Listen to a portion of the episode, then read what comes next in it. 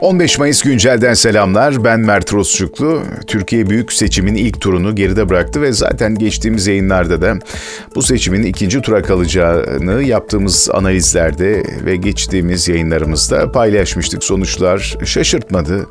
Ne yalan söyleyeyim. Bu sonuçlar değişimin başlangıcının göstergesi. Tabii bundan da söz etmek lazım. Ben mümkün olduğunca her yayında aynı şeyden bahsettim. Yani bir değişimden söz ettik. Peki nedir bu? Ne anlama geliyor? Aslında şu anlama geliyor.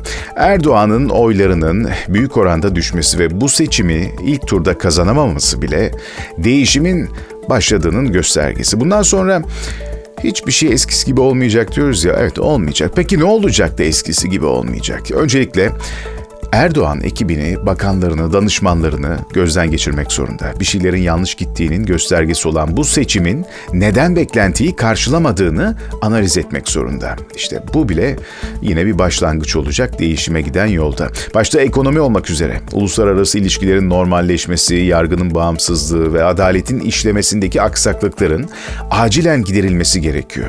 Çünkü AKP ve Cumhurbaşkanı Erdoğan sanıldığı gibi rahat değil. Genellikle kamuoyunda öyle anlaşılabilir. İşte gayet rahat çünkü tüm güçler elinde gibi görülebilir ama e, o kadar rahat değil. Sebebi ise sorumluluklar. Evet, sorumlulukları. Çünkü 21 yıldır bu ülkeyi yöneten bir siyasi oluşumdan bahsediyoruz. Bugün yaşanan sorun ve aksaklıkların tüm sorumluluğunu üzerine almak zorunda kalan bir iktidardan bahsediyoruz aynı zamanda. Evet bunun sorumlusu biz değiliz diyemez. Yani hiçbir şeyin sorumlusu biz değiliz diyemez. Enflasyon mu var? Evet maalesef sorumlusu biziz. Yargıda bir sorun mu yaşanıyor? Evet maalesef sorun bizim iktidarımız sürecinde oldu. Düşen refah seviyesi, kültür değişimi, eğitim sorunu, işte liyakatin olmadığı kurumlarda e, yaşanan kimi sorunlar, son yaşadığımız Kızılay e, problemleri gibi ve daha aklınıza gelebilecek e, birçok olumsuzluğun sorumluluğunu almak zorunda kalan bir iktidardan bahsediyoruz. Hiçbir bahanesi kalmadı. Evet.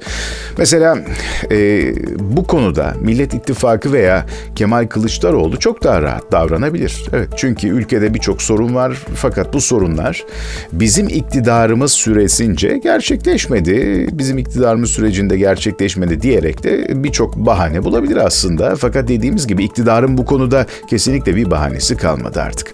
Gelelim bu seçimin kazananına ya da e, kaybedenine diyelim. Öncelikle İstanbul Büyükşehir Belediye Başkanı Ekrem İmamoğlu ve Ankara Büyükşehir Belediye Başkanı Mansur Yavaş bu seçimin kazanan isimlerinden. Evet aday belirleme sürecinde e, Millet İttifakı'na yaptıkları desteğe kadar e, aktif çalışmaları e, bir kez daha iki başkanın geleceğin en önemli siyasi figürlerinden ikisi olduğunu kanıtlamış oldu.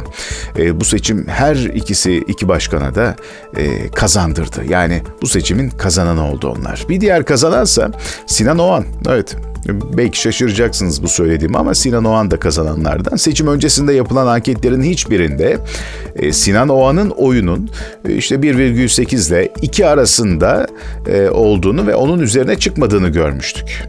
Evet. Fakat e, seçimle birlikte gelen oylara baktığımızda yüzde beşi geçmesi bile Sinan Oğan'ın hanesine başarı olarak yazıldı. O da Dolayısıyla seçimin kazananlarından biri oldu. Peki seçimin kaybedeni var mı? Aslında adaylıktan 3 gün kala çekilen Muharrem İnce dışında seçimin kaybedenlerini paylaşmak henüz erken onu söyleyeyim. Evet henüz erken önümüzdeki günlerde yapacağımız analizlerde bunu çok daha rahat şekilde kapla, kapsamlıca e, sizlere açıklayabiliriz, paylaşabilirim ama e, o zamana kadar o sıcak gündemi e, takip edeceğiz, gözlemleyeceğiz. Getireceklerini gözlemleyerek de devam edeceğiz. E, bu seçim sonucunun da ülkemize, vatanımıza, milletimize hayırlı olmasını diliyorum.